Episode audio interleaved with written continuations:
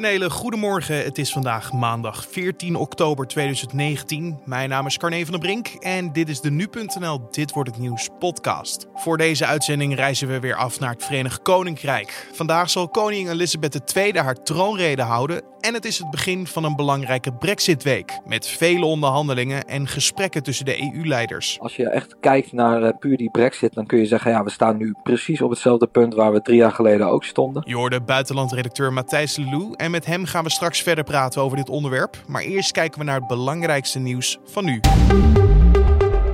Veiligheid op de snelwegen is de laatste jaren drastisch afgenomen. Dat meldt het NRC naar aanleiding van een rapport van de Stichting Wetenschappelijk Onderzoek Verkeersveiligheid dat vandaag wordt gepubliceerd. Het rapport meldt een verdubbeling van het aantal ongevallen op de snelweg in een periode van vijf jaar. Van 17.000 ongevallen in begin 2014 naar ruim 38.000 eind 2018. Ook is het aantal doden dat valt bij ongelukken op de snelweg gestegen van 63 in 2014 naar 81 in 2018. Het rapport noemt hoge snelheid en afleiding als de voornaamste oorzaken van de toename. Vooral het gebruik van smartphones achter het stuur is enorm gestegen in de afgelopen jaren. Maar ook alcohol en drugs spelen een rol in de toename van ongevallen op de snelweg.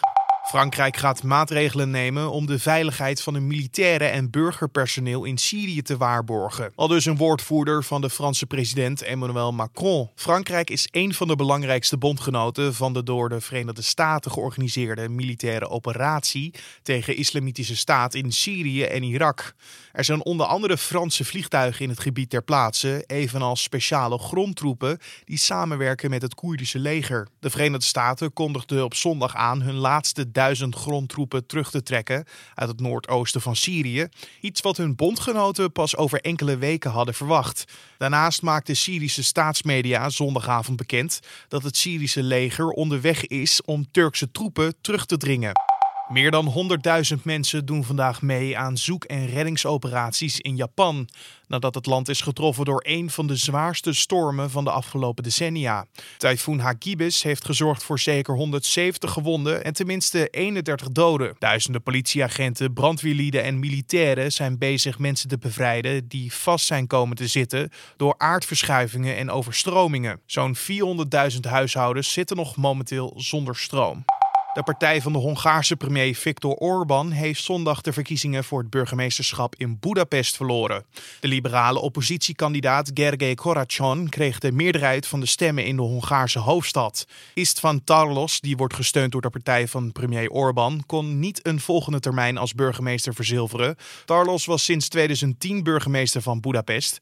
En dit is de eerste verkiezingsoverwinning van een andere partij dan die van Orbán sinds 2010. De 44-jarige Koracson noemt de gewonnen burgemeesterschapsverkiezingen een les in de democratie. Een verandering in Budapest is de eerste stap in het veranderen van heel Hongarije. Deze verkiezingen hebben verder geen effect op Orbáns nationale macht. Zijn partij heeft nog steeds een ruime meerderheid in het parlement. En algemene verkiezingen in Hongarije zijn pas in 2022. En dan gaan we over naar het hoofdonderwerp van vandaag, oftewel dit wordt het nieuws.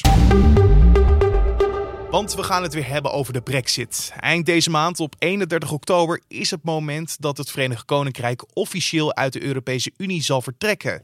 De druk is hoog, want komt er een deal of zal de Brexit nog een keer uitgesteld worden? Deze druk voelen ook de partijen die aan het onderhandelen zijn en zullen daarom deze week intensief met elkaar gaan praten over een mogelijke deal. Daarnaast zal koning Elizabeth II vandaag om half één Nederlandse tijd haar troonrede houden. Maar wat staat er in zo'n toespraak van de Queen? Dat vroeg ik aan buitenlandredacteur Matthijs Lelou. Ja, dat zijn, uh, het is eigenlijk heel simpel. Dat zijn de plannen van de regering.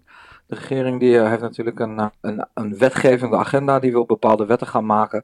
En de Queen's Speech die dient ervoor om het parlement en het land te vertellen, nou dit gaan we de komende tijd doen. En kan ze dan nog ook zeggen van joh, ik ga ook mijn eigen mening nog even in die troonrede laten klinken, hoe ik naar de brexit bijvoorbeeld kijk? Nee, nee, dat is net zoals het hier gaat. Uh, die uh, troonrede die wordt geschreven door, de, door het kabinet. En uh, de koningin die leest die gewoon alleen maar voor. En dat gaat dus vandaag denk ik veel over ook binnenlandse politiek. Dat zal in ieder geval de Queen dan in een troonrede voorbij laten komen.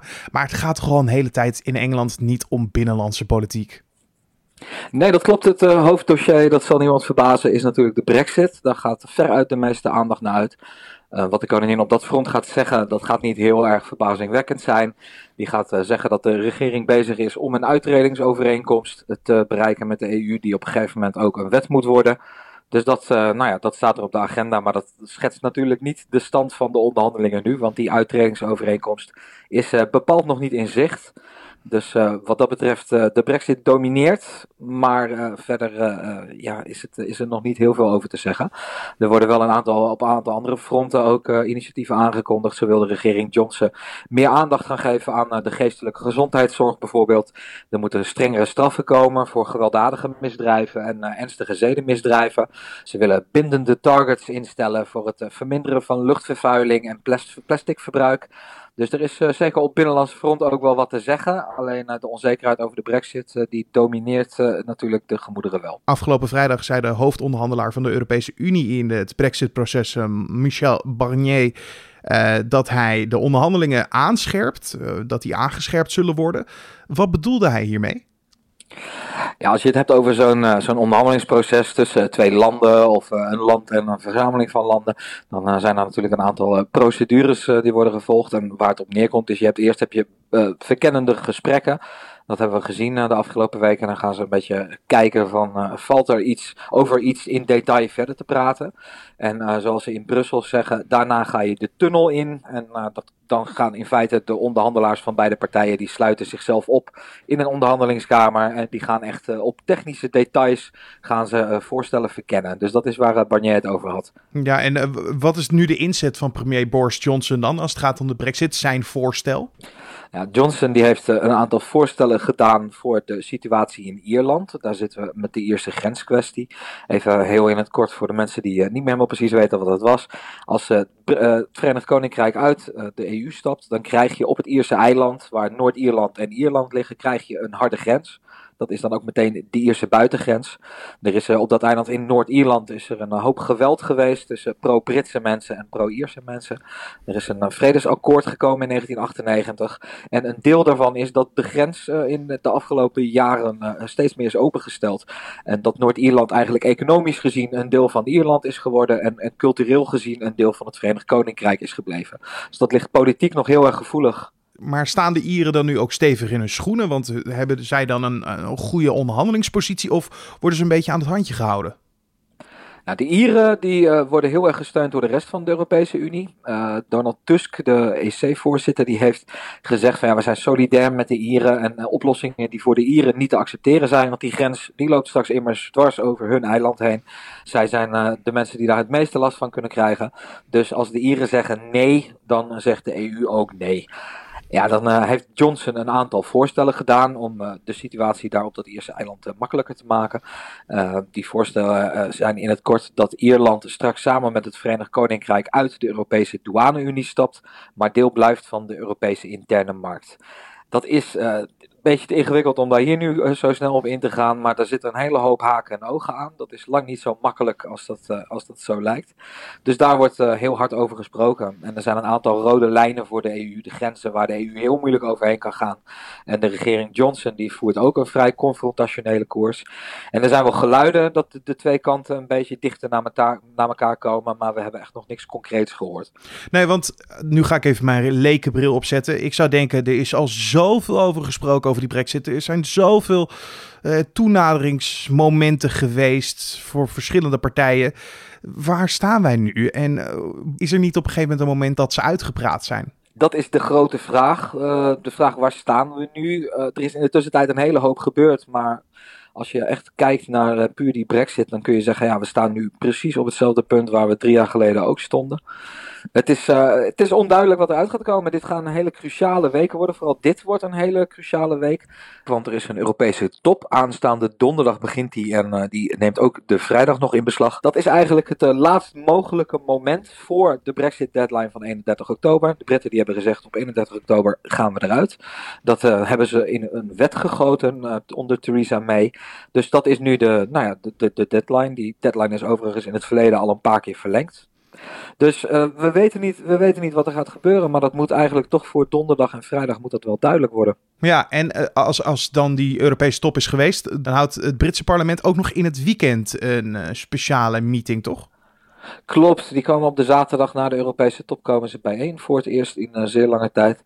Ehm, en dan uh, komt het erop neer, als er geen deal is bereikt met de Europese Unie en dus een no-deal Brexit dreigt, de, het parlement heeft uh, in de zomer hebben ze een wet aangenomen, zeer tegen de zin van premier Johnson. Die wet die verbiedt het Johnson om uh, uh, nou ja, zonder deal uit de EU te stappen, zonder dat het parlement daar toestemming voor geeft. In dat geval moet hij volgens die wet naar de EU toe om, om meer uitstel te vragen. Johnson die, uh, heeft in het verleden meerdere malen gezegd: ik lief, lig liever dood in een greppel dan dat ik meer uitstel ga aanvragen. Uh, tegelijkertijd heeft zijn regering in rechtbankdocumenten, want hier was een rechtszaak over aangespannen, heeft de regering gezegd: van nou, als het daarop aankomt, dan volgen we de wet gewoon.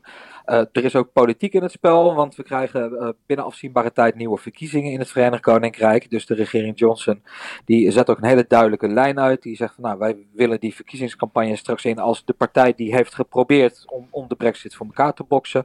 Uh, Johnson die kan dan bijvoorbeeld zeggen, nou ik ben van alle kanten tegengewerkt. Ik heb het echt het uiterste gedaan. Dus als je wil dat ik dat nog een keer doe, maar dan met meer mandaat, dan moet je vooral op mijn partij stemmen. Je hoorde buitenlandredacteur Matthijs Lou en alle updates over de brexit kan je natuurlijk gewoon vinden via onze site en via de nu.nl app. En dan nog even de nieuwsagenda voor vandaag. In Noord- en Midden-Nederland gaan boeren vandaag opnieuw protesteren.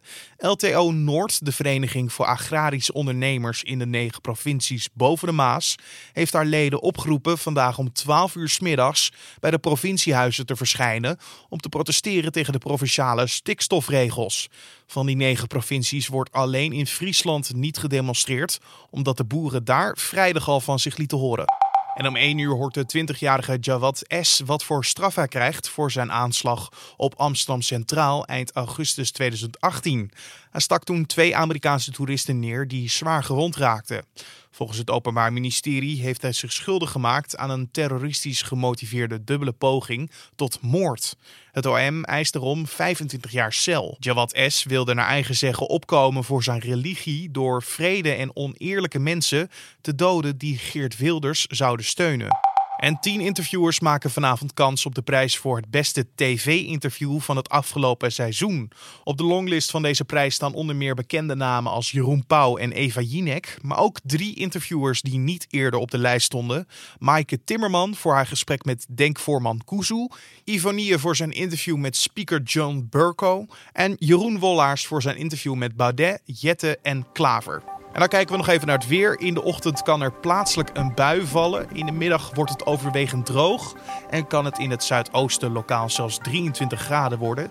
In het noorden en het midden van het land wordt het tussen de 14 en 17 graden.